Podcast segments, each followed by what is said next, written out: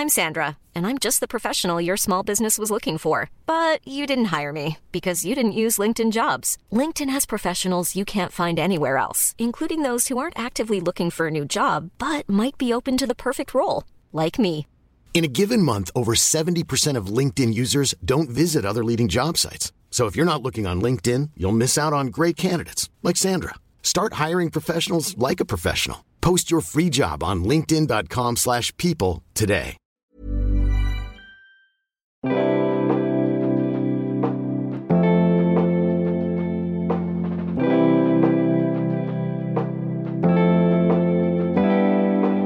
Velkommen til Lossius. Traumer er ukens tema for Lossius, som er talkshowet om de viktige tingene i livet. I disse tider er det samtalene som fører oss sammen, og jeg håper at dagens episode kan føre til en god prat med en eller flere som du er glad i. Gjest i dagens episode om traumer er journalist og forfatter Ingeborg Senneseth, planteinfluenser og traumeterapeut Anders Røyneberg og forfatter Madeleine Schultz. Ingeborg ga i fjor ut boken Ordbok for overlevelse, og har skrevet åpent om årene med anoreksi og innleggelse på psykiatri, men hun er også kjent for sin skarpe penn og sterke meninger. Madeleine har skrevet bøkene Morslinjer og Verden brenner og vi skriver om våre barn, og de bøkene handler om traumer i generasjoner, om vold og om omsorg. Anders er mest kjent som forfatter av flere bestselgende bøker om planter, siden han er plantfluenser, men han jobber også med traumer. Og det er Anders som starter samtalen sammen med meg. Men først, rett etter episoden, får du en kjempefin låt av eh, Gabriel, en artist jeg selv liker skikkelig godt. Og så blir jeg veldig, veldig glad om du rater og kommenterer Losshus i din podkast-app. Det tar kort tid for deg, men det betyr uendelig mye for meg. Husk også å dele samtalen med en venn, og i shownotes finner du alle aktuelle lenker. God lytt!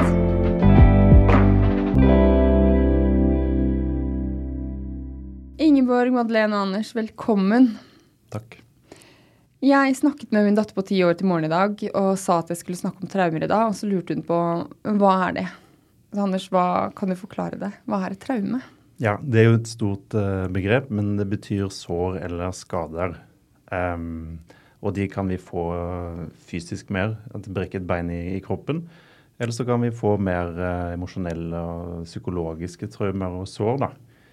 Um, og veldig mye av psykisk uhelse har bakgrunn i sår og traumer. Og, uh, som sikkert kommer litt uh, tilbake igjen til. Og jeg liker veldig godt å bruke praktiske eksempler når jeg forklarer. Så um, bare sånn kort eksempel. En mann på 30 år som kommer til meg. Jeg har hatt panikkanfall på jobben. Uh, hatt sånn typiske høye angstsymptomer, høy puls, svett, uh, litt sånn frakobla. Um, og dette fikk han i møte med en veldig sånn dominerende, streng sjef. og så jobber vi litt. bruker MDR, som vi kommer, den metoden min som kommer litt tilbake igjen til. Og kommer mer fram da at han har også hatt en veldig dominerende far som har ja, vært sånn devaluerende og latterliggjort han og rett og slett psykisk vold. da. Uh, og Han ser selv at dette har en sammenheng, at dette er en gammel frykt som trigges i møte med en uh, dominerende sjef i nåtid. Mm.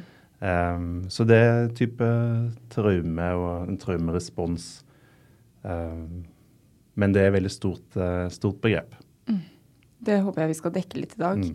Men Ingeborg, du er et eksempel på at du har hatt sår, og at det kan gå ganske så bra. Ja, det, det, er litt som en ser det, det. da. Noen ja. vil jo si at bare oi, det går jo ikke så bra. Men jeg vet jo hva sammenligningsgrunnlaget er. Mm. Um, når Anders snakker, så tenker jeg ja, jeg er sånn cirka den 30 år gamle mannen. Uh, litt eldre og identifiserer meg ikke som mann, men ellers ganske likt. Um, jeg har ganske kraftige barndomstraumer uh, som jeg prøvde å reparere sjøl som barn. Eh, noe som da endte med spiseforstyrrelser og OCD og selvskading og selvfølgelig da en lang rekke med angst og sånne ting. Um, og i veldig mange år så prøvde alle egentlig bare å reparere de feilene med meg, uten at uh, vi så på uh, selve traumet bak. da. Og det gjorde også at jeg har fått veldig mange sånn Selv om jeg er mye friskere i dag enn jeg noensinne har vært, så får jeg mange sånne responser, f.eks. hvis noen um, sier at jeg må snakke høyere. så kan det stoppe helt for meg, for det minner meg veldig om uh, en del av den oppførselen til dem som utsatte meg for fysisk og psykisk vold som liten, Uh, uten at jeg var klar over det før jeg ble voksen. Uh, så det er ting som setter veldig dype spor, men det er veldig ofte sånn at det er ikke så lett å identifisere det, verken sjøl eller som behandler. da. Eh, du skal være ganske modig behandler for å ta tak i noe annet enn bare symptomene. Mm. Og du, Madeleine, har skrevet om omsorg som noe som kan gjøre at vi ikke får traumer? Eller var det, det var kanskje ikke riktig formulert, men omsorg som motsats til traumer, kanskje? Ja, heller kanskje det. Altså, jeg har jo skrevet um, om traumer med, i den konteksten av vold, da. Eh, som jo eh, disse her psykiske sårene eh, ofte kan komme fra. Um, og i løpet av den boka som jeg skrev som het 'Morslinjer', som da handlet om min mor og min mormors traumer, og hvordan det her uh, også kan bevege seg i generasjoner, så um, begynte jeg å komme inn på dette her med omsorgen da, som på en måte et svar på, uh, på dette her med, med, traumer, og hvordan omsorgen kanskje er en motsats til, til volden, da. Uh, og, og hvordan det da igjen er innmari viktig at vi løfter opp og frem. Tenker du da liksom motsatt som en slags medisin, eller? Ja, eller jeg tenker at uh, min forståelse av volden, da, sånn jeg har på en måte skrevet den, er Eller sånn jeg har på en måte erfart den fra å skrive den boka eh, eh, Min forståelse av volden er på en måte et slags Som også et slags liksom, fravær av omsorg, da. Eh, og ved å fylle på med den omsorgen, så kan man kanskje hjelpe til med de traumene, da. Eh, og jeg har vært opptatt av å sette det også inn i en politisk kontekst. Da, at eh, fraværet av omsorgen også er politisk. At vi trenger flere fagfolk, vi trenger mer eh, steder som kan tilby terapi. Vi trenger alle disse tingene. Altså ting som er utenfor også det er bare individuelle eh, behovet da, for omsorg. Mm. Jeg tenkte på deg, Ingeborg, når jeg leste boken også til eh, Madeleine, den siste boken din. Men eh, i boken din, den nyeste, så skriver du det som har betydd mest for meg i behandling, er ikke nødvendigvis selve behandlingen. Det er de menneskelige øyeblikkene. Um, som da en sykepleier på Levanger lånte en bil i flere timer. Ikke fordi vi skulle noe sted, men fordi jeg sov så dårlig i sengen min om natten, og han hadde sett at jeg alltid sluknet som et lys idet jeg fikk bilbelte på og motoren startet. Mm. Det er vel et eksempel på omsorg. Jeg ble helt mm. rørt jeg, når jeg leste det. Ja, den, var, den betydde skikkelig mye. For ja. jeg fikk jo følelsen av at den sykepleieren da eh, hadde sett meg veldig. Eh, for han tok liksom ikke for gitt at det var bare å pakke på med medisiner. Vi var veldig unge pasienter, men med veldig lange medisinlister. Eh, og jeg hadde ikke lyst til det, eh, og følte meg veldig pressa til det. Og han støtta meg egentlig ganske godt i eh, den motstanden. Da. Eh, men jeg måtte jo sove på et eller annet vis. Mm. og han liksom sånn helt sånn casual bare 'Jeg har bestilt bil i dag, jeg.' Bare sånn Ja, OK, på en søndag, liksom. Ja, kan du bli med, eller? Så bare, ja, ja. Så jeg sov jo mens han kjørte på helt sånn meningsløse turer, men med veldig stor betydning for mm. meg, da. Nydelig. Og det, ja, fin fyr. Ja, og det er så fint fordi selv om vi har opplevd sår eller skader og har en sånn eh, utrygg tilknytning, da, eh, så er det et begrep som de kaller for tillært trygg tilknytning. Så jeg har stor tro på mennesket der, at vi tåler egentlig utrolig mye. Eh, og i møte med mennesker som eh, er fine, da, som den sykepleieren var, eh, så kan vi få gode opplevelser som også påvirker noe jeg er veldig opptatt av, og det er liksom nervesystemet vårt. da som vi kanskje kommer tilbake til. Vi kan gå inn på det med en gang. For jeg tenker på, altså, trenger, det, trenger man ha eh, store traumer eller stå, små traumer, barndomstraumer, voksentraumer? Er det noe forskjell på dette her? Jeg er veldig tilhenger av å ikke gjøre det liksom um, at du har grupper som har traumer der, og så har du uh, alle de andre friske der borte. Men at det faktisk er noe som ble nevnt innledningsvis. Uh, alle har sår og skader. Eh, og jeg liker å tenke på det sånn at det er noe fellesmenneskelig med det, da. Eh, og at eh, det er masse du kan gjøre også for å få, eh, få heling og få det bedre å komme deg videre hvis du har opplevd eh, traumer. Og så tror jeg man skal være skikkelig forsiktig med å snakke om store og små traumer. Eh, for du kan ha Du kan si at du har to barn, da. Det ene barnet blir banka opp og slengt ned i trapp. Eh, det andre barnet blir kalt dum. Da kan man jo tenke seg helt logisk, så er det det første som vil få det verst, eh, og det andre som vil få det minst ille. Eh, men det har jo ingen nødvendigvis sammenheng med på en måte den logiske måten å måle stort og smått på. For alt handler jo om eh, hvilken kontekst det er, om de blir ivaretatt etterpå, eh, om eh, du er sårbar fra før. Det er så mange faktorer da, at man skal være superforsiktig med å si stort og smått. Eh, og i tillegg så har du kulturell kontekst osv. Så, videre. så der skal man være forsiktig. altså. Jeg kan jo gi et eksempel også. Um, jeg har nok ikke selv opplevd sånn, uh, det man tenker på som typiske sånn svære traumer som ran eller overfall. Men jeg har mer et sånn um, ja, sosialt traume. Og det var rett og slett jeg vokste opp som skeiv i et veldig konservativt uh, religiøst miljø. Um, og med alt det innebar, hvor en blir liksom redd for alt fra helvete til uh, å havne på utsiden av flokken, da, som er det store skrekken for oss uh, flokkdyr som mennesker. Um, og jeg har gått med en sånn spenthet i min kropp. Alltid litt sånn på vakt. Uh, og det er veldig greit å vite om i møte med ikke bare skeive, men minoriteter. da. Du, det er hele tiden litt sånn spenthet der fordi du, du må skanne er dette trygt, uh, omgivelsene og menneskene rundt meg, meg trygge. Så det er også en type traume, hvis en sånn utvider begrepet litt. Og det er så bra at du tar med det, for at jeg har, jeg har veldig tett på meg religiøst eh, miljø fra jeg var liten. Eh, og fikk jo da høre at uh, skeive kunne bli kurert av Jesus. Og dem som sa det, mente veldig godt. Uh, og mente liksom at uh, ja, men herlighet, det er jo fordi at vi bryr oss om mennesker. Vi bryr oss også om skeive. Det er bare det at de er syke og må bli friske. Og det er sånn, det å prøve å da forklare at den der påtatte omsorgen din, uh, det er direkte skadelig for noen andre. Eh, det kan nesten aldri snakkes eh, nok om, altså. Så takk for at du sier det. Jo, fint. Og det, det tenker jeg også eh, når en kommer dit, da, at en kan faktisk bruke traumene sine til noe hensiktsmessig. At det har en betydning i møte med andre, enten en behandler eller bare en god venn, bare sånn for å skjønne den andre. da. For meg så virker det som at det er en veldig viktig del av helingen til traumer. Det at det har får en slags verdi eller mening til slutt, det, det kjipe en har opplevd. da. Men er det man kaller eh, posttraumatisk vekst? Nei, Ja. ja. Ja. Det, det kaller man det. Men man kan det.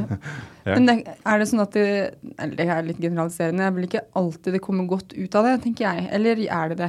Kan, eller så lenge man kan bruke det til noe positivt. Nå skal ikke jeg si noe, nå skal Nei. andre få snakke. Nei, Jeg har så mye føl- meninger om ja, for jeg tenker at det kan, alt kan umulig ikke bli snudd til noe positivt. Det er min tanke, da. Jeg har Mm. lyst til å spørre deg om noe annet, eh, Madeleine. For du i, i første boken din, mors... Først, nei, ikke første, den første selvstendige boken din, 'Morslinjer', så skriver du jo om bestemoren din, og så hvordan det fikk effekt på din mamma, og så på deg.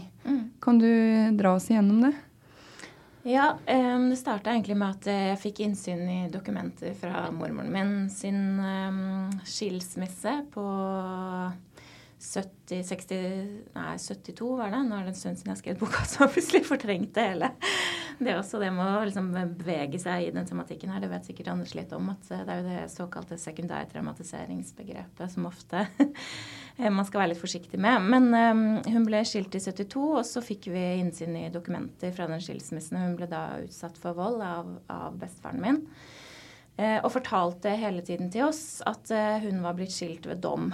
Eh, og det var det jeg trodde hele livet mitt. Hun var veldig åpen om den volden hun ble utsatt for, til meg. Eh, jeg vet ikke hvorfor akkurat meg. Hun hadde flere barnebarn, men hun fortalte veldig mye om det til meg, da. Um, og så viste det seg at hun hadde ikke blitt skilt ved dom, for det fantes jo ikke noe retts... eh, altså fantes ikke noe lover mot å banke opp kona si på den tiden. Så hun var rett og slett bare blitt forlatt. Så egentlig alle de dokumentene handlet om at hun ikke hadde penger til mat, eh, og at hun ikke klarte å ta vare på ungene sine, som da var moren min, blant annet. Ehm, og så, når jeg fikk disse dokumentene, så åpnet jeg egentlig en samtale med moren min også om hennes um, hun var utsatt for overgrep i barndommen og ble også utsatt for overgrep når hun ble eldre. Eh, og også det å vokse opp med å være vitne til vold, som også er en ganske sånn eh, ja, som er en veldig traumatiserende opplevelse for mange barn. Også fordi du opplever deg veldig maktesløs. Du blir fratatt muligheten til å, til å, Altså, du er fanget i det, da, fordi du bor jo der, og du kan liksom ikke hjelpe til. Um, så hun hadde ganske mye greier da, som hun, um, som hun um, tok med inn i sitt morskap. Uh, mm. Så jeg prøvde å liksom vise frem hvordan det påvirker omsorgsevnen din, da, altså disse traumene. Uh, og hvordan det da kan bevege seg i generasjoner. Da. Med at du har skrevet og tatt det videre, så opplever du at du har nøstet det litt eh, og løsnet det litt, eller? Ja, altså det Jeg, jeg syns det er fint den historien som kom fram i stad, og Ingeborg fortalte om den ene som hadde sett. Eh, det tenker jeg er en sånn veldig viktig og fin ting. Og, og det ser jeg også. Jeg har jobbet eh, med krisesenterbevegelsen i noen år. Og har gjort også en podkast eh, med kvinner som har vært utsatt for vold i nære relasjoner. Og de også forteller det Eh, at eh, selv om de har møtt veldig mye motstand og ting har vært veldig vanskelig, f.eks.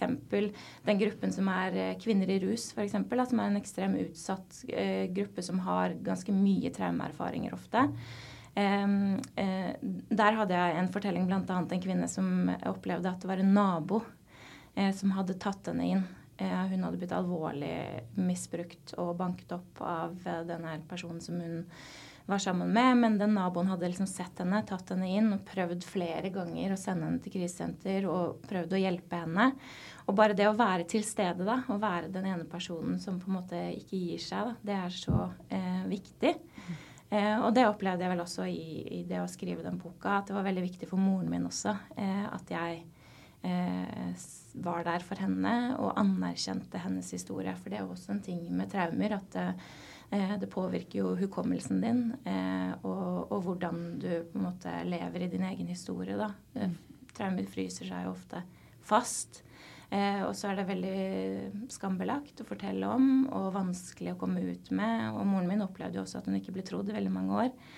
Så for henne var det veldig viktig da, eh, at, eh, ja, at jeg anerkjente historien hennes, rett og slett, ved å gjøre den researchen som jeg gjorde. da. Mm. Mm. Men du sier at det fryses? Altså Setter det seg i kroppen, eller altså hvordan Det kan du sikkert Anders fortelle ja. men jeg, er jeg syns det er veldig interessant med hvordan traumer påvirker det kroppslige også, hvordan det henger sammen. Og hvordan veldig mange traumeutsatte jeg opplever at de faller mellom to stoler. da. Fordi at helsevesenet ofte er veldig sånn kategoriserende. Enten så har du vondt i kroppen, eller så har du, har du problemer med hodet. Og hvis mm. det er noe imellom der, så er du liksom litt på siden av systemet. Um, men det kan Anders sikkert fortelle mer Ja, nei, Det er kjempegodt poeng. Jeg tror også helsevesenet vi burde spørre mye mer om, uh, om traumer, eller snakke om det.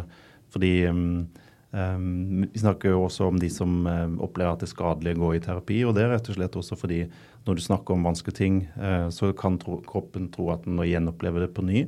Det blir rett og slett overveldende. da. Og da er det nervesystemet som sier fra at nå er det fare på ferde. og mange blir helt fjerne, og de blir kvalme og svimle. Og det, det er sånn som en helsepersonell og, og terapeuter burde vite om. At da må en faktisk jobbe med nervesystemet og roe det og gjøre det trygt før en bare kjører på videre, da.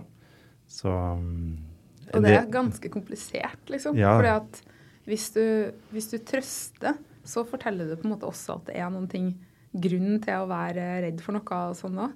Eh, jeg har begge de gangene jeg har skrevet bok og tatt med noen ting om meg sjøl og om traumer. Eh, den siste boka var første gang jeg sier rett ut at ja, jeg ble utsatt for mishandling. Da. Eh, og da gikk jo kroppen i en sånn lås over lang tid. Eh, jeg ble mye mer spiseforstyrra igjen, fikk mye mer tvangstanker osv. Og, så og sjøl om jeg sitter der og er klinkende klar over mm. at det her eh, skjer, hvorfor det skjer, hva som skjer. Eh, og at eh, jeg kan snakke med dem rundt meg om det og avverge en god del ved at jeg på en måte klarer å stoppe mye handlinger, selv om følelser og tanker skjer. Mm. Så, så, går det jo i det samme sporet likevel. Og da blir det sånn åh, kan ikke bare gå an å fortelle seg sjøl at det her går bra. Det, det, er ikke Ingeborg fem år, det er Ingeborg som er kjempevoksen. Kom mm. igjen, da. Eh, men likevel så gjør kroppen litt det en eh, vil sjøl. Uh, og kanskje er det av nødvendighet, jeg vet da søren, for at du skal mm. overleve. men det å trøste skulle jeg skulle ønske funka Eh, så lett som at man på en måte blåser på et sår når man har mm. eh, snubla. Eh, men man forteller jo på en måte samtidig at ja, det er grunn til å være redd. Mm. Så det er liksom ikke noe perfekt løsning på det heller. Nei, og nervesystemet, altså det her fight, flight, freeze-systemet, det tar kjempelang tid ofte å endre også. Så det er noe jeg er opptatt av å si til pasienter. Vi får ikke endre nervesystemet ditt på et blunk her. Eh, og jeg tror også at det å jobbe med seg selv er et livslangt prosjekt, bare så det også er, er sagt. Eh, men, eh, men, det kan absolutt jobbes med, og, og kroppen kan trygges, den kan bli roligere. Men, men det, er en, det, er en, stor jobb å gjøre ofte, da. Mm. Og så kan man forholde seg annerledes til det. Mm. før, hvis jeg fikk tilbakefall, så tenkte jeg liksom at ja, nå er det game over nå kan jeg bare gi opp. Samme, samme hva nå, for nå, nå, gikk det ikke bra én gang. Og mm. da tenker jeg ja, da er resten av livet sånn, da. Mm. Ha, takk for meg. Mm. Uh, men jeg har blitt mye mer sånn tilgivende, da. Sånn her ja. OK, du røyker på en smell, ja. ja. Da prøver vi igjen i ettermiddag, da. Ja. Uh, og reise seg litt fortere istedenfor å uh, banke seg sjøl skrevet opp. Mm. Um, fordi at det er det veldig lett å gjøre hvis man fortsatt skammer seg ekstremt mye. Uh, og jo mer man skammer seg, jo mer banker man seg sjøl opp. Mm. Uh, så det å prate om ting, sånn at andre kanskje skammer seg litt mindre, har jo vært en sånn Greit, det gir mening til mm. det man har opplevd. Sjøl om det på en måte ikke nødvendigvis er sånn direkte terapeutisk, så gir det i hvert fall ja, mening. Mm. Og det er interessant det du sier der, fordi eh, vi har den her freeze-responsen i kroppen når kroppen bare slår seg av. Det er en beskyttelsesmekanisme. eh, som ofte oppstår med traumer, da, fordi det blir for mye for oss å ta inn. Mm. Um, og den, eh, den, er jo veldig forstyrrende når den kommer i voksen alder, fordi den har ikke den funksjonen lenger. Eller den er ikke så til hjelp. da. Eh, men veldig mange som har traumer å jobbe med, de vil også oppleve at det, det kommer fort en sånn håpløshet. Kroppen gir opp, den vil falle sammen. så det er opptatt av når vi jobber med det, at du må faktisk lære kroppen din at den kan reise seg istedenfor å gå i freeze Eh, så det handler også om å jobbe mye mer med kroppen og, og nervesystemet. Eh, Hvordan jobber man med et nervesystem? ja. ja. for det er MD Kan jeg melde på nervesystemet mitt på et kurs, eller? Ja, det kan du. um, det er forskjellige typer metoder med å jobbe med, med kropp. Mer fokus på kropp og, og følelser og nervesystem. Og en metode som jeg er blitt veldig glad i, og som jeg bruker, det er MDR som står for Eye Movement Desensitation and Reprocessing. Eh, og det er rett og slett at eh, når vi sover, så har vi noe som heter rem-søvn. Det kalles også for nattens psykolog. Eh, og da bearbeider vi ting, og da går øynene våre frem og tilbake. Og så våkner vi opp, og så føler vi oss ofte litt bedre, eller litt mer frie enn det, vi, det som tynger oss når vi la oss. da. Eh, og dette kan du gjenskape i eh, en terapisituasjon. Det kan være en kvinne på 30 år som har vært utsatt for et overfall. Og da sitter jeg overfor henne, litt på siden. Hun ser på fingrene mine. Og så beveger vi da fingrene fram og tilbake i en sånn høyre-venstre, rolig rytme. Og gjenskaper da den her rem-søvnrytmen. Og det, en ofte ser da, er at ubehaget altså knytta til traume etter hvert Eh, forsvinner, rett og slett. Så en kan tenke på det traumet, og så opplever en at eh, den frykten som er knytta til det, er mer borte. da. Og så er det også det at når du fokuserer, nifokuserer på traume, så vil det etter hvert også miste eh, kraften sin litt i kroppen. At uh, frykten forsvinner mer og mer, da. Um, det er utrolig interessant, men det hørtes jo veldig lettvint ut. Ja, uh, vi, satt, vi har masse, masse folk som er kjempesjuke og som har vært deprimert i 20 år pga. traumer. Kunne de egentlig bare ha lekt rem-søvn? Beklager å være så kritisk, men jeg er født sånn. ja, ja, nei. Uh, og det er jo ikke alt som er rett for uh, forskjellige typer traumer eller pasienter heller. Uh, men det er en måte å jobbe mer med, med kroppen på, da. Hvis jeg kan si. Jeg syns det er veldig spennende akkurat det her, for jeg var jo med moren min i Ja. den terapien. Eh, og det, så jeg har liksom vært inne underveis i skriveprosessen, så bare fulgte jeg henne i terapiløpet. Eh, og det var veldig interessant å se, også fordi at det har jo kommet seg ganske langt, egentlig, det feltet her siden eh, eh, den periode, tidsperioden jeg skriver om. da F.eks. mormoren min har jo i sine journaler, eh, medisinske journaler som vi også fikk tilgang til, så står det jo at hun har eh, nervelidelser. Men det fantes jo ikke noe mer språk for de type tingene den gangen. Hun hadde jo også sånn typiske kroppslige plager som ofte kommer av traumer, som er sånn fibromyalgia f.eks., sånn, eh, som slår ut på kroppen din, liksom. Men det var ikke noe eh, Det fantes ikke, på en måte. Så når, når mamma kom inn i det terapiløpet, så var det veldig interessant for meg å se hvor eller vel, den historien, da, og hvor langt den egentlig har kommet på ikke så veldig ja, relativt kort tid, da. Eh, og jeg syns også det der er veldig spennende hvordan på en måte mm, eh, hvordan man kobler på kroppen igjen. Da. For at Mm. jeg jo, folk som er utsatt for traumer, er veldig frakobla kroppene sine ofte. Eh, så jeg syns også um, både det her og Det er jo en nederlandsk eh, terapeut, han Bessel van der Kolk, Mm. som jeg syns har skrevet veldig mye spennende om det. Og han begynte jo også egentlig å se på traumer i krigsveteraner. Og så beveget han seg fra det og ut til liksom også mennesker som har voldserfaringer og andre typer traumer. da. Eh, og, og, og hvordan på en måte, hodet henger sammen med kroppen, da, syns jeg ja, det er veldig spennende å høre deg snakke om det. Ja, og så er det jo som Ingeborg sier også, det, altså det høres kjempeenkelt ut i teori, men det er kjempevanskelig i praksis. Så alle er forskjellige og har ulike typer behov. Men min opplevelse med EMDR er iallfall at det er en type metode hvis en vil jobbe også mer med kroppen, for det sitter mye mer i kroppen. Og jeg tror altså psykiatrien, psykisk helse, har vært veldig kognitiv. Vi liksom tenker at vi skal tenke oss friske. Eh, men vi kan sitte og tenke oss så friske vi bare vil, men hvis vi ikke har med kroppen i det, så, så får vi ikke Ja, vi får bare gjort en halvgod jobb, mener jeg. da. Jeg har lyst til å skyte inn noe her, fordi jeg gikk til psykolog i mange år, eh, og på et eller annet tidspunkt så var det sånn at nå hadde jeg ikke ord for ting.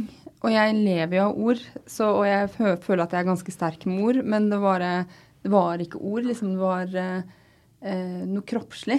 En eller annen kroppslig fornemmelse som, ikke, ja, som man ikke har ord på. Og det har jeg lyst til å snakke litt om, for det, det setter seg jo i kroppen. Men du snakket om skam. Eh, at det henger sammen. Hvorfor er det sånn at man tenker, eller mange da, tenker eh, jeg har gjort noe gærent eller det er noe feil med meg, og at man, man tar At man har blitt opp, eh, opplevd sånn som du har opplevd, Ingeborg, og at du tenker på at det er noe gærent med deg, når det er jo ikke noe gærent med deg i det hele tatt. Det var jo ikke din feil. Hvorfor tar man det personlig? Men tenk logisk, da, som kanskje mange, særlig unger, eh, men også voksne, vil tenke, er at hvis noen gjør noe skikkelig stygt mot deg, da kan jo du umulig være verdt noe som helst. Du setter jo hele deg sjøl i tvil hvis noen gjør noe stygt mot deg. Eh, og hvis du ikke har nok motstand, nok, eh, nok gode, trygge som har fortalt deg at du kan si fra, eh, du skal ikke behandles dårlig, hvis det er bare en sånn teoretisk ting, og det har blitt slått i stykker, verbalt eller fysisk eller begge deler, så er det veldig vanskelig å stå opp for seg sjøl, overfor seg sjøl også, eh, og tenke det at det her er jo ikke noe jeg skal skamme meg over. Eh, det var jo noen som gjorde det mot meg, eh, og jeg burde ikke ha blitt behandla sånn. Eh, og det er sånt som er vanskelig fortsatt i dag for meg å tenke. Eh, det sniker seg inn tanker som sånn Ja, men jeg var jo egentlig ganske bråkete. Ja, men jeg var jo egentlig sånn. Jeg var jo egentlig sånn. Eh, kanskje likte litt over stokk og stein, men det var jo også litt grunn til det. Og det er sånt som biter seg etter, da, og kanskje da havner du i andre relasjoner senere som også er dårlig for deg. Men så er det vanskelig å komme seg ut, for at du setter tvil liksom, om din verdi. da, At eh, det har jo blitt, det har jo blitt uh, populært nå å snakke om uh, gaslighting. Og at det foregår i en del relasjoner. da. Men jeg tror nok at mange også driver og gaslighter seg sjøl. Ved å konstant fortelle seg sjøl at uh, nei, det kan jo at du tar feil, nei, det kan jo at du ikke er verdt noen ting, nei, det kan jo at uh, du overdriver. uh, så setter du deg sjøl i så stor tvil at det blir vanskelig å stå opp for seg sjøl. Eh, så det er ganske sånn, ja, en sånn intern skamming som pågår hele tida, og som gjør det vanskelig kanskje å bryte ut av mønster. Jeg har litt lyst til å snu det litt utover også, hvis jeg kan få lov til det. Ja, Ja, for jeg synes jeg, jeg snakket med en som heter Siri Thorsen, som er forsker på NKVTS, om det her. Og hun så eh, bl.a. det at eh, veldig mange av de barna som er utsatt for vold eller har voldserfaringer, de blir også ofte isolert i det at andre ikke vil ha noe med dem å gjøre. eh, Fordi at de har de erfaringene de Og det er jo, det er jo veldig, veldig trist å høre. Men hun altså, Og det hadde hun liksom ikke gått ordentlig inn i, da, men hun mente det at liksom kanskje Eller stilte spørsmål, da. Kanskje det er noe rett og slett ved traumer og voldserfaringer som gjør at du blir litt isolert fra andre. At, de, at vi har vanskelig for å ta det innover oss, andre mennesker rundt. Og så tror jeg også at vi liksom lever i en eh, virkelighet i dag som er veldig individualisert. Alle skal på en måte velge fritt. Alle kan velge fritt. Alle kan fikse seg selv. Alle kan eh, ordne livet sitt, på en måte. Og da blir det veldig skamfullt å være den som ikke kan det, på en måte. Så at jeg tror eh, det er både innenfra og utenfra da, samtidig. Ekstremt hjulpet av alternativbransjen, som Ja. konstant forteller at du kan bli ditt beste jeg Ikke sant? hele tida. Men Ja, jeg ja, tror men- jo ikke, man kan jo ikke bli sitt beste jeg alene. Man må bli altså Jeg tror ikke på mitt beste jeg heller, da, men uansett. Det må, man blir jo et menneske i samvær med andre. Jeg har lyst til å si også det at eh, skam er også en veldig hjelpsom følelse. fordi når vi skammer oss, så, så dekker vi ting til. Så det har en beskyttende funksjon. Og meg selv som et eksempel, når jeg skjønte at jeg var skeiv, så, så begynte jeg å skamme meg. Eh, og det betydde at jeg skjulte det. Og det var egentlig en bra ting for meg i det miljøet som jeg vokste opp i. Så nå kan jeg tenke at eh, OK, eh, skammen den er ikke noe bra for meg som voksen, eller den hindrer meg i å være liksom mer fri. Men, eh, men faktisk så hadde den en beskyttende funksjon eh, der jeg var. Og så um, Jeg var faktisk 24 år før jeg kom ut av skapet, og var ganske godt eh, voksen. Eh, men hvis jeg skulle kommet ut av skapet når jeg var mm, 13-14, da når jeg skjønte det, så hadde det vært nådeløst i forhold til et religiøst miljø som absolutt ikke jeg som 14-åring kunne stått opp mot. da. Så jeg tenker også at skammen har beskytta meg, og den har hjulpet meg. eh, Men at jeg ikke trenger den så mye lenger nå. Det er som å høre Helene Flod Åkvåg, som har skrevet boka 'Hei, skam', Ja. eh, om positive og negative sider ved skam. Ikke sant? Det er kjempespennende. Mm. Men det var det ikke sånn litt for deg òg? Altså din spisevegring beskyttet deg, og så var den dårlig for deg etter hvert? Eller? For det var en annen måte å Eh, redde deg selv på. Jeg kan prøve å uh, tegne et sånt kort bilde av det. Uh, bare på sida nevne uh, Når vi snakker om spiseforstyrrelser, så er det veldig fint å ikke bruke ordet spisevegring. For det befester en litt sånn vond stereotypi som mange sliter med det at man tenker på spiseforstyrrelser som ei tynn jente. Eh, jeg ser jo ganske typisk spiseforstyrra ut, skal man tro, eh, men det gjør jeg ikke. Den typiske spiseforstyrra eh, er overvektig eller normalvektig, eh, og de aller fleste eh, veksler mellom symptomer. Eh, og det å vegre å spise er jo en bitte, bitte, bitte liten del av det. Eh, omkring 10 eh, har det som da kalles anoreksi. Ellers er bulimi og overspising og gjerne det å veksle mellom dem, og gjerne også veksle innom alkoholisme eller rusbruk og selvskading. Eh, så bare sånn apropos. Eh, og at vi da kan Når vi vet det, så er det kanskje litt lettere å se eh, menn eh, og eldre eh, og overvektige eh, uten å på en måte ha et sånn ferdig bilde av eh, sånn i hermetegn prinsessesyke, som en del har kommet i skade for å kalle det. Um, min spiseforstyrrelse var ganske tilfeldig at jeg fikk. Eh, jeg var jo veldig liten da eh, en del dårlige ting skjedde med meg. Eh, men jeg var også veldig oppegående og ressurssterk på den måten at det skulle jeg fikse sjøl. ingen skulle vite det, eh, og jeg skulle bare ordne opp eh, på egen hånd. Eh, det er unger ganske dårlige til hvis du snakker om å liksom skal ordne opp i traumatiske ting, og folk som har utdanna seg i 20 år, ikke klarer å ordne opp i det. Eh, så jeg begynte å skade meg sjøl. og ble også veldig klar over at det kunne bli synlig. Eh, og var derfor mer eller mindre på utkikk etter en annen måte å skade meg sjøl på som var usynlig. Eh, og det ble ganske tilfeldig, akkurat spiseforstyrrelser. Eh, og så har jeg veksla mellom ulike, men pga. at det ganske så tilfeldig, ble anoreksi til meg, så ble det også synlig. Mm. og i og med at det etter hvert ble synlig og veldig kroppslig skadelig, så ble jeg også da mer eller mindre dytta på hjelp. Eh, hjelp som jeg avviste i veldig lange perioder, men som jeg til slutt var nødt til å prøve å ta imot. da.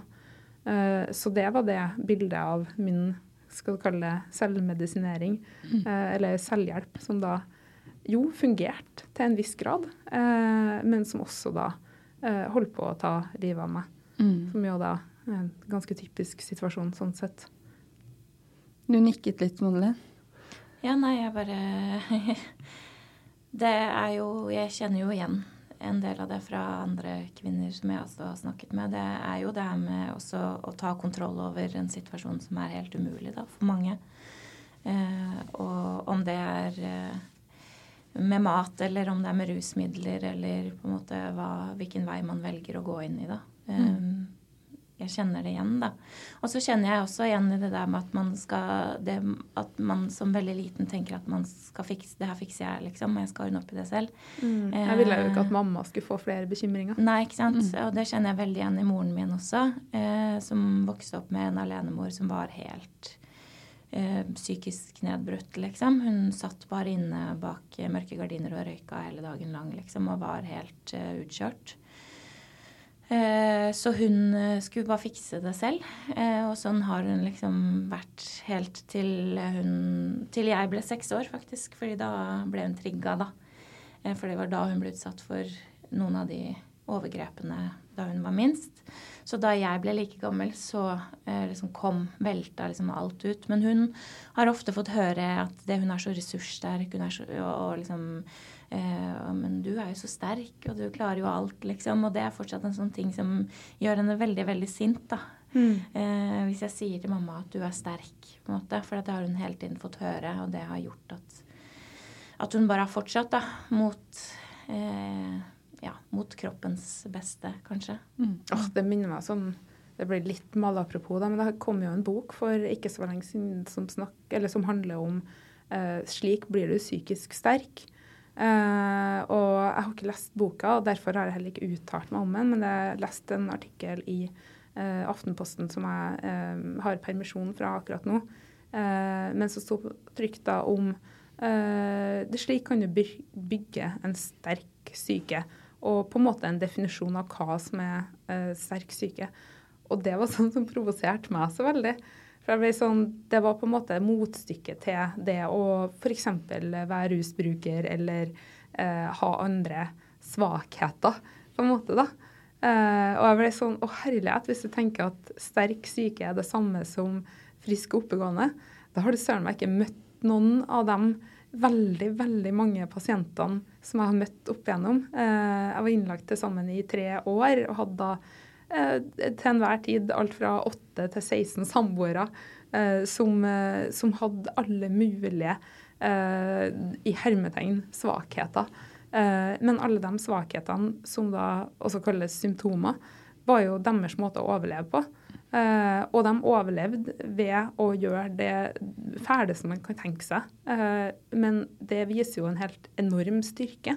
Eh, så lenge den styrken på en måte kan snues til å bli eh, en, en kanskje litt mindre skadelig ressurs, så, så vil jo det være eh, helt suverent. Men bare det at de har overlevd i det hele tatt, så kanskje på utsida så ser de ut som såkalte svake mennesker, da. Og så er det noen av de sterkeste jeg har møtt. Og jeg fikk skikkelig sånn Jeg ble så provosert bare da jeg så eh, tittelen på boka. Men nå prøver jeg jo sjøl å være sånn Hei, du må sette inn i ting før du uttaler det. Så jeg skal prøve å ikke bli sur pga. den tittelen sjøl. Men jeg kan skjønne det er jo også sånn som man sier at det er jo en lang, veldig langvarig prosess, det å bearbeide traumer og jobbe Altså kanskje en livslang prosess for veldig mange. Eh, og, og det føles jo nok, eller jeg tenker at det er ikke så rart at det føles urettferdig ut, da. At eh, du har blitt utsatt for noe som er voldsomt og urett. Eh, og så er det du som må sitte med på en måte hele den dommen, da, på mange måter. Som det er å måtte jobbe deg gjennom det. Så det, det sinnet kan jeg forstå veldig godt, da. Det er som at noen har bestilt verdens verste vare på internett for deg, og så må du ta den imot. og så må du betale for den sjøl. Ja, ikke sant? Med avdrag. Med avdrag, gebyr, Mm. inkasso. Det er skikkelig drittgjort. Mm. Men du skriver også litt om klasseperspektivet, Mm. Jeg, eh, det er mulig at jeg ikke er helt oppdatert på ting, men jeg tenker at vi kanskje snakker litt lite om klasse i Norge for at det skal være så likt. Eh, Men det er jo ikke likt. Ja, jeg tror jo at uh, på, Jeg snakket med noen faktisk om det i går senest. Jeg tror på mange måter at uh, vi er liksom vokst opp med ideen om at vi er et likestilt land. Uh, og det er vi jo på mange måter hvis man sammenligner med andre land også, men jeg tror også vi har litt sånn um, problemer med å gå ordentlig inn i det klasseperspektivet. Og det tror jeg mm, vil være et større og større problem, fordi nå står vi i en tid hvor det blir dyrere å leve. og Det blir vanskeligere for de som har minst. Eh, og det å få psykisk helsehjelp, det er ikke rett frem nødvendigvis. Det er lange køer, og mange tyr jo til privathjelp f.eks. Og det koster ganske mye penger å få den hjelpen. sånn at eh, det klasseperspektivet har jeg vært litt sånn opptatt av hele veien også, fordi at jeg ser ikke nødvendigvis det at, eh, at det er én klasse som blir mer utsatt enn andre. Det er jo alle klasser som blir utsatt for, for traumer. Men, men at det er en sånn ekstra sårbarhet da, som gjør at det kan være vanskelig å, å, komme, å få hjelp, da, rett og slett.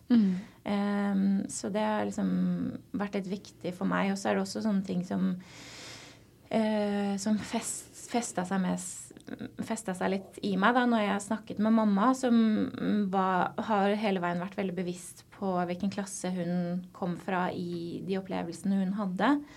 Eh, F.eks. da hun ble utsatt for eh, et overgrep i, i russetida. Og det er sånn klassisk reviktimiseringsgreie. Det er jo også en ting, dessverre, at, at de som blir utsatt for vold, oftere blir utsatt for det igjen. Som reviktimisering, da, på en måte. Ehm, og, og, da sa hun at eh, Da hun hadde aldri fortalt akkurat den biten til meg før, og da sa hun at eh, jeg har ikke fortalt det til noen, egentlig, for jeg, jeg bare tenkte at eh, Men jeg var jo bare en fattig jente fra østkanten, så ingen kom til å tro meg uansett at det skjedde. Han kom fra vestkanten. Eh, sånn at hun hadde, hadde liksom ikke sett noe poeng i å fortelle det, da. Eh, og det handler jo også om klasse. Det at hun har vokst opp med at, eh, et slags mindreverdighetskompleks. Det er oppi liksom alt det andre. Eh, hvor hun bare har tatt utgangspunkt i at ingen kommer til å tro på henne fordi hun, hun har ikke så mye verdi, da, på en måte. I den klassen hun kommer fra. Og så er det jo sånn at eh, hvis du har eh, god råd, så kan du også eh, ikke nødvendigvis kjøpe deg god helse, men du kan iallfall uh, Ja, du, du kan iallfall ha mye mer tilgang til god, en god behandling, da. Um, og det tenker jeg også Jeg jobber både privat og i det offentlige. Uh, og problemet med traume og psykisk helse også har det vært veldig at um, fokuset er på en måte at du skal få en diagnose. Du går på um, DPS, og så, så får du på en måte vite hva som er feil med deg. Og så har du alle disse symptomene, og så må du klare deg sjøl ofte etterpå, da. Um, Istedenfor at vi fokuserer på å gi behandling, mener jeg, da. Ja, det var, også veldig, ja, tilfeldig, nei, men det var også veldig tilfeldig, den oppfølgingen mamma fikk, bare fordi hun tilfeldigvis var i en bydel hvor de har et traumeterapiløp. Eh, og hvis hun hadde vært i en annen bydel, da, Grünerløkka f.eks., som jeg bodde i før, så opplevde jeg at der var det nesten ikke Og der var det så mye trykk at liksom, det var nesten ikke noe eh, vits å spørre om å få hjelp en gang. Eh, for jeg har jo også vært gjennom noen greier underveis her. Eh, mens hun eh, sogna til Østensjø, og da hadde de et løp på Mortensrud DPS hvor de jobbet spesifikt med, med traumebehandling. da. Um, så det føles, det føles litt som flaks uflaks om du kan få hjelp i det offentlige eller ikke. Eh, og det tenker jeg blir et problem for de som har minst. da. Mm. Grunnen til at jeg var, ble så ivrig der, var bare det at jeg kobla opp på det med at man får en diagnose, og så skal man klare seg litt sjøl. Eh, noe som jo er så tragisk, for en diagnose er jo egentlig bare at du oppfyller et sett med kriterier. Det er jo ikke en behandling. Eh, det skal jo være en døråpner eh, og en viss type veiviser. Eh, og for noen er jo en diagnose en fantastisk veiviser. Um, det kunne det ha vært for meg. Min diagnose var jo da anoreksi, så da ble jeg vist til RKSF, som er Regionalt kompetansesenter for spiseforstyrrelser, i to runder. Fungerte ikke i det hele tatt for meg. Eh, for, der, for meg ble det en slags spiseforstyrrelsesskole.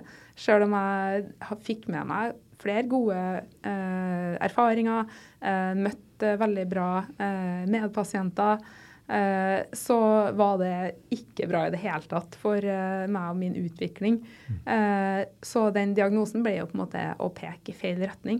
Men da jeg havna et sted der psykologen min eh, overhodet ikke var opptatt av diagnosen, men var opptatt av meg som menneske, da starta veien mot å faktisk komme seg inn i et samfunn og det å være en bidragsyter og bli det jeg ønska. Eh, nettopp fordi at vi ikke drev og jobba og jobba og jobba eh, super nærsynt med symptomer, eh, men prøvde å finne hva er meningen egentlig med å være litt greier med seg sjøl? Mm. Eh, hva vil du egentlig? Eh, hvem vil du være? Eh, hvordan vil du leve livet ditt? Eh, er det greit for deg å prøve å prate mer om politikk enn om kilo? og der går det faktisk an å finne en vei, da, uten på en måte å henge seg for mye opp i diagnosene. og det er også veldig i tråd med en, særlig en doktorgrad som jeg syns er veldig, veldig fin. Av Truls Willer, hvis jeg ikke sier helt feil. Det her er i hvert fall ti år siden han skrev den. Um, der han skriver om uh, hvilken behandling som har mest effekt. Uh, og konklusjonen hans er egentlig det at behandlingstypen er ikke nødvendigvis det som har mest effekt.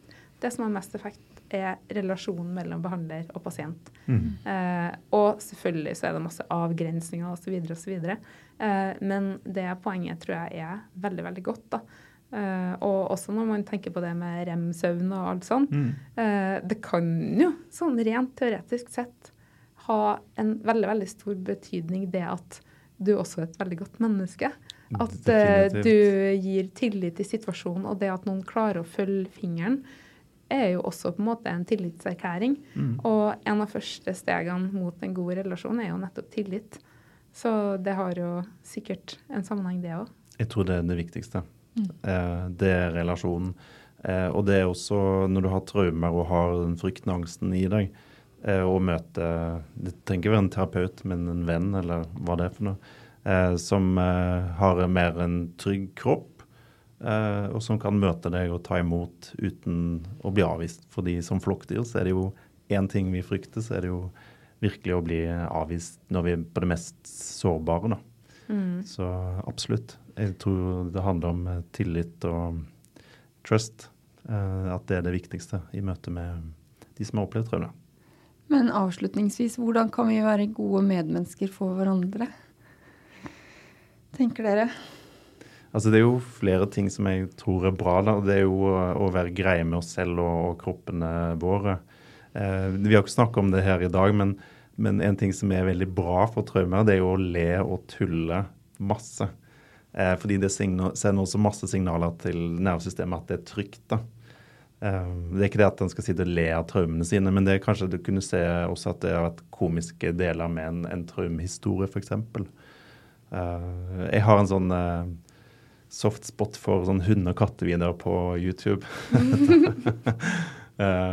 Og det er noe som får fram eh, noen gode følelser i meg. Så kanskje bare gjøre uh, mer av det, uten at det skal være den eneste måten jeg kjenner på glede på.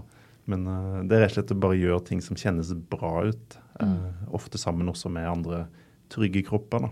Men så er jo du også planteinfluenser. Ja. Så ja, ja, for å nevne, for det er jo jeg så litt opptatt av det her med um, mennesker og kobling til natur. da, på en mm. måte. Det å, å å bevege seg i natur. Jeg tror det har Eller jeg vet av forskning at det har en positiv effekt på mennesker. Eh, så det tror jeg er viktig. Og så tror jeg det også er viktig at, at man har et litt bevisst forhold til eh, For jeg ser jo uh, f.eks. på sosiale medier og sånn, så er det veldig mye sånn der at man skal stenge ut negative mennesker rundt deg. Man skal ikke forholde seg til ting som er vanskelig, liksom.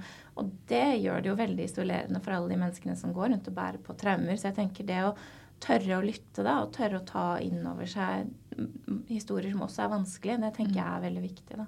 Mm. Og det å stenge ut alt negativt, eh, det vil jo egentlig også være en ganske sånn egoistisk handling.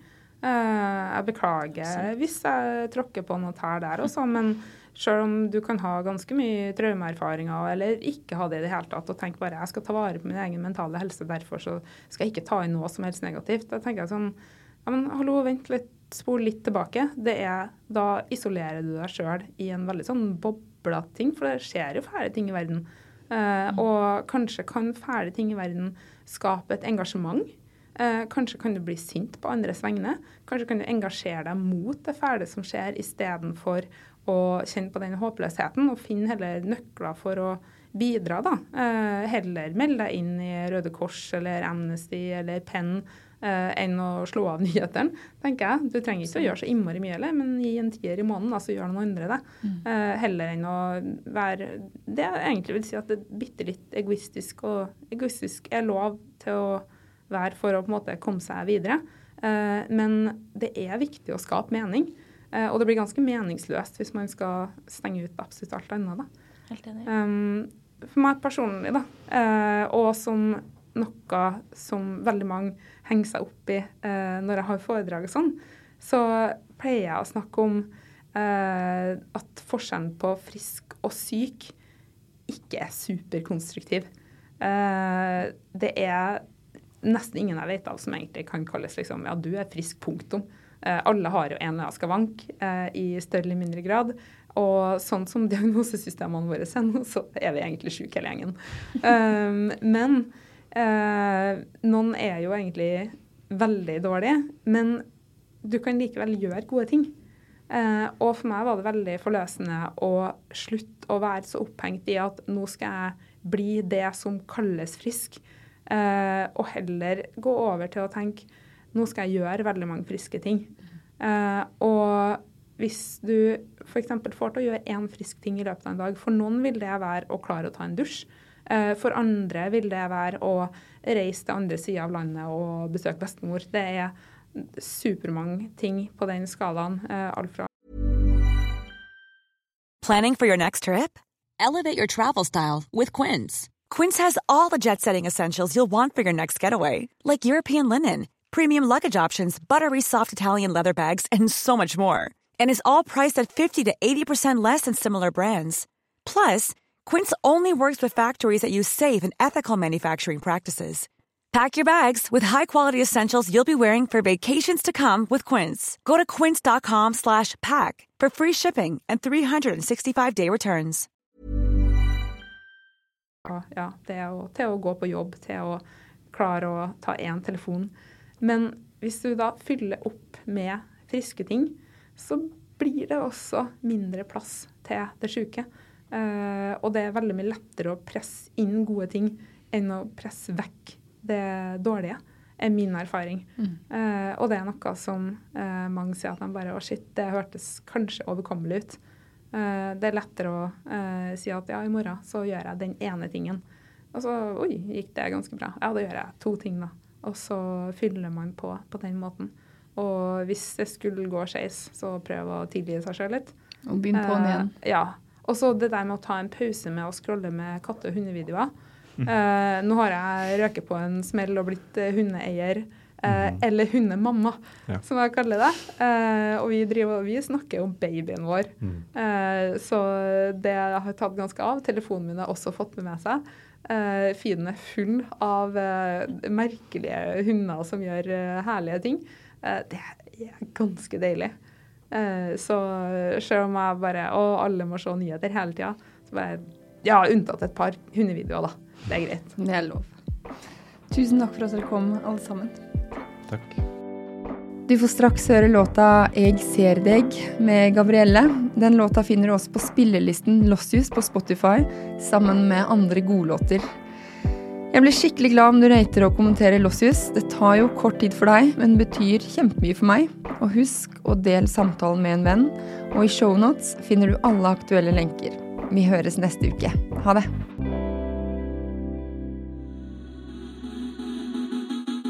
Alltid tenkt det var sånn det skulle være. Kjærligheten er ikke mer enn du kan bære.